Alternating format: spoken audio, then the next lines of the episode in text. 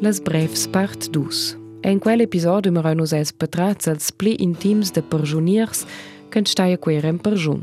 Nos ligin um nade meine Warning per brefs, que perjuniers anskrite loramiz ni parents. Nie brefs ka an surveniu de letz. Les brevs en cunzona de zonziatonta dotionta agiaien en in ordinatur el birò de la directura de la perjun Ines Folador. An nos venines se sentifet voi richtigs de leder quelles, per quelle di nosellas cun grand respect per las persunas a lor historias. Als nom se lagen se vini midai, Schock li di nos vannes brevs in Tierin. Ah, tja che oit olem lidau. Meu nome is Sabrina Bondi ed en grazie al fetg che vos visitais mai el Podknascht. L'imprema brev de dozei de dinom cai integine mischeide dente actor Jeff Bridges a Captain Jack Sparrow. Això ja jausiments messe van ella mi cun leger seia brev. A causella. Senhof, den 17. November 1975. Sehr geehrter Herr Kawirzel, wie Sie wissen, ist mein neuer Wohnort jetzt in Chur. Im Senhof habe ich ein Luxuszimmer gemietet auf unbestimmte Zeit. Ich habe gutes Essen und meine Ruhe habe ich auch. Einen Haken hat das Ganze. Es fehlt mir das Wichtigste, was man braucht, um zu leben. Ich benötige dringend Geld, damit ich Zigaretten und Toilettenartikel bestellen kann. Sie wissen ja, wenn der Toni nichts zu rauchen hat, dreht er durch. Das möchte ich so gut es geht vermeiden. Ich denke, 50 Franken würden vorderhand genügen. Hoffe, dass Sie mich verstehen und mir das Geld so bald wie möglich zuschicken. Nun zur zweiten Katastrophe. Sicher fragen Sie sich, warum ich aus Realta ausgeflogen bin. Ich habe um Versetzung gebeten. Denn Arschlecken liegt mir nicht. Aber ohne diese Eigenschaft ist es in Realta nicht möglich, einen anständigen Führungsbericht zu erhalten. Ein Aufseher sagte mir einmal, ich solle nur wieder abhauen, denn mir würden sie zuletzt nachweinen. Das sind Tatsachen, Herr Kawirzel, die der größte Sturm nicht wegzufegen vermag. Ich bitte Sie daher, mich nach meiner U-Haft im Sennhof unverzüglich nach Regensdorf zu versetzen. Für den Wiedereintritt nach Realta werde ich mich weigern. Mit Hochachtung grüßt Sie, Toni Müller.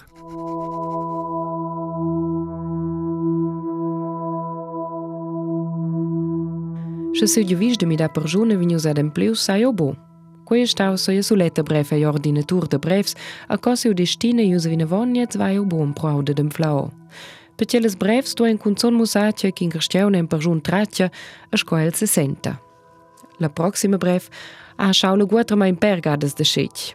Forsa, per quel che la vende di dona ad è adressata ad una donna. Tanto si dire, perché che è sempre un fetch tragica.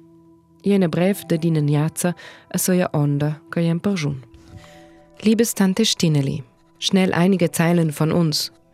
Natürlich bin ich dir längst nicht böse. Es tat mir nur weh, weil du sagst, du seist unser schwarzes Schaf. Das bist du bei mir nie. Ich habe dich wirklich von ganzem Herzen lieb. Das weißt du ganz genau, gell? Leider muss ich dir wieder eine traurige Mitteilung machen. Dein Bruder wird nur noch wenige Tage leben. Er will all seine Geschwister nochmals sehen und sich verabschieden. Er ist nur noch 40 Kilogramm schwer. Er hat auch meinen Papi nach dir gefragt. Papi brachte es aber nicht fertig zu sagen, wo du bist. Er weinte und will dich unbedingt nochmals sehen.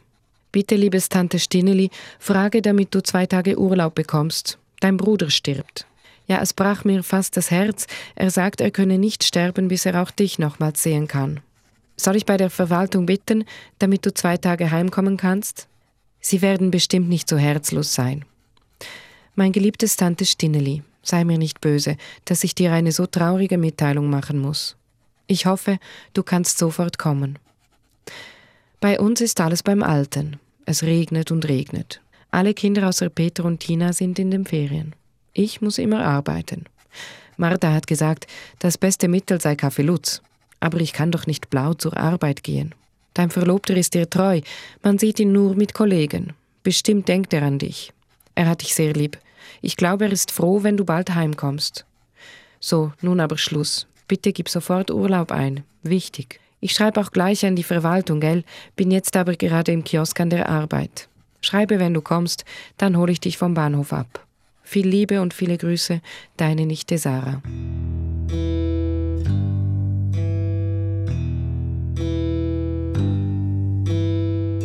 E la proxima brev vegno das lidioms la famiglia. A zwar scrive che in bab che sei sempre giun a soia feia in a brev.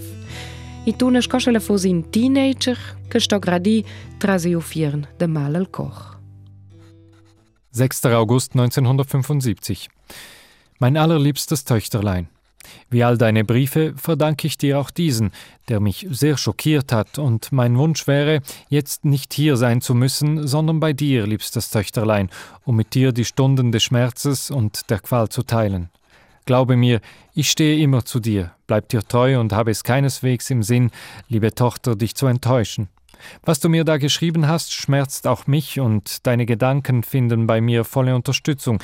Ja, so ein Mensch ist schlimmer als ein Tier. Ja, sowas ist grausam und gemein. Habe es von ihm, in meinen Augen ein Dreckskerl, erwartet, werde ihm einen Brief schreiben, an den er noch lange denken wird. Darauf kannst du dich verlassen, liebe Tochter. Deine Reaktion ist genau das Richtige. Und hoffe nur eins, dass du nie mehr zu ihm zurückkehren wirst. Sonst müsste ich dir böse sein. Gerade das will ich nicht, denn ich hab dich lieb und bin bereit für dich durch die Hölle zu gehen, um dich dorthin zu führen, wo du hingehörst, in ein Leben voller Glück und Geborgenheit.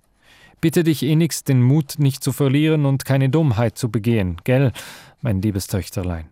Ich werde dir alles geben, was dir fehlt, liebe Tochter. Mein Haus soll auch das deine sein, wo es keinen Hass und Verstoßensein gibt. Alles sollst du finden. Was du dir wünschst und suchst, will ich dir geben und opfern, soweit es in meiner Macht steht. Bald ist Mami in Kur. Ja, dann bist du nicht mehr so alleine und so ist es auch leichter zu ertragen. Nun bleibt mir noch zu hoffen, dir etwas Mut übermittelt zu haben und dir ein wenig bewiesen zu haben, wie ehrlich ich es mit dir meine und wie ernst es mir ist, dir so gut ich nur kann beizustehen, ohne etwas von dir als Dank zu verlangen. Ich will nur eins, dich glücklich zu wissen, gell, liebste Tochter. Glaubst du mir, dass es kein Spiel ist, was oder wie ich zu dir stehe? Jetzt grüße, küsse, umarme ich dich, denke an dich, dies alles in Liebe und von Herzen, teile die schweren Stunden mit dir, bitte dich den Mut nicht zu verlieren, denke, ich bin für dich da, ob es dir gut oder schlecht geht. Dein Papi.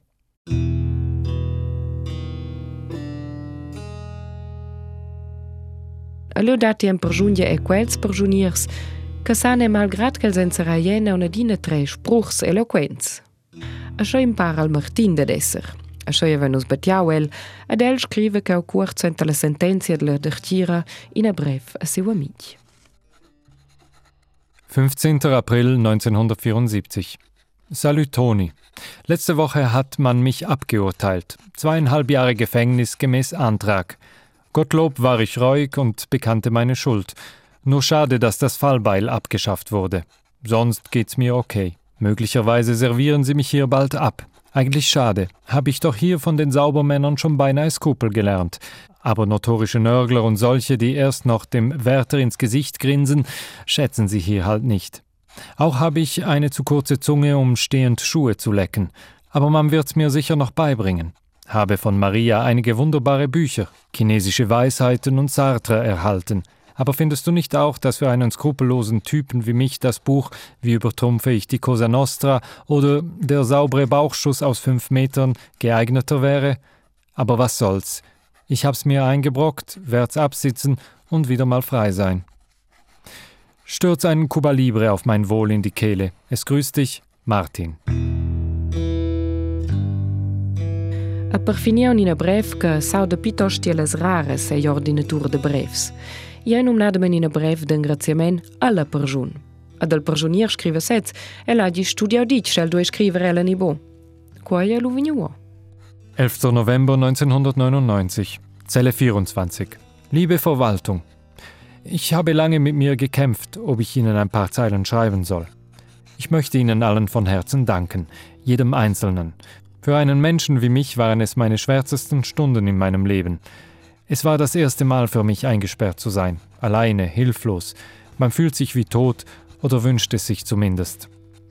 Ich hatte und habe zwar das große Glück, eine Frau zu haben, die mich stützt und mir Kraft gibt, aber hier drin bin ich alleine.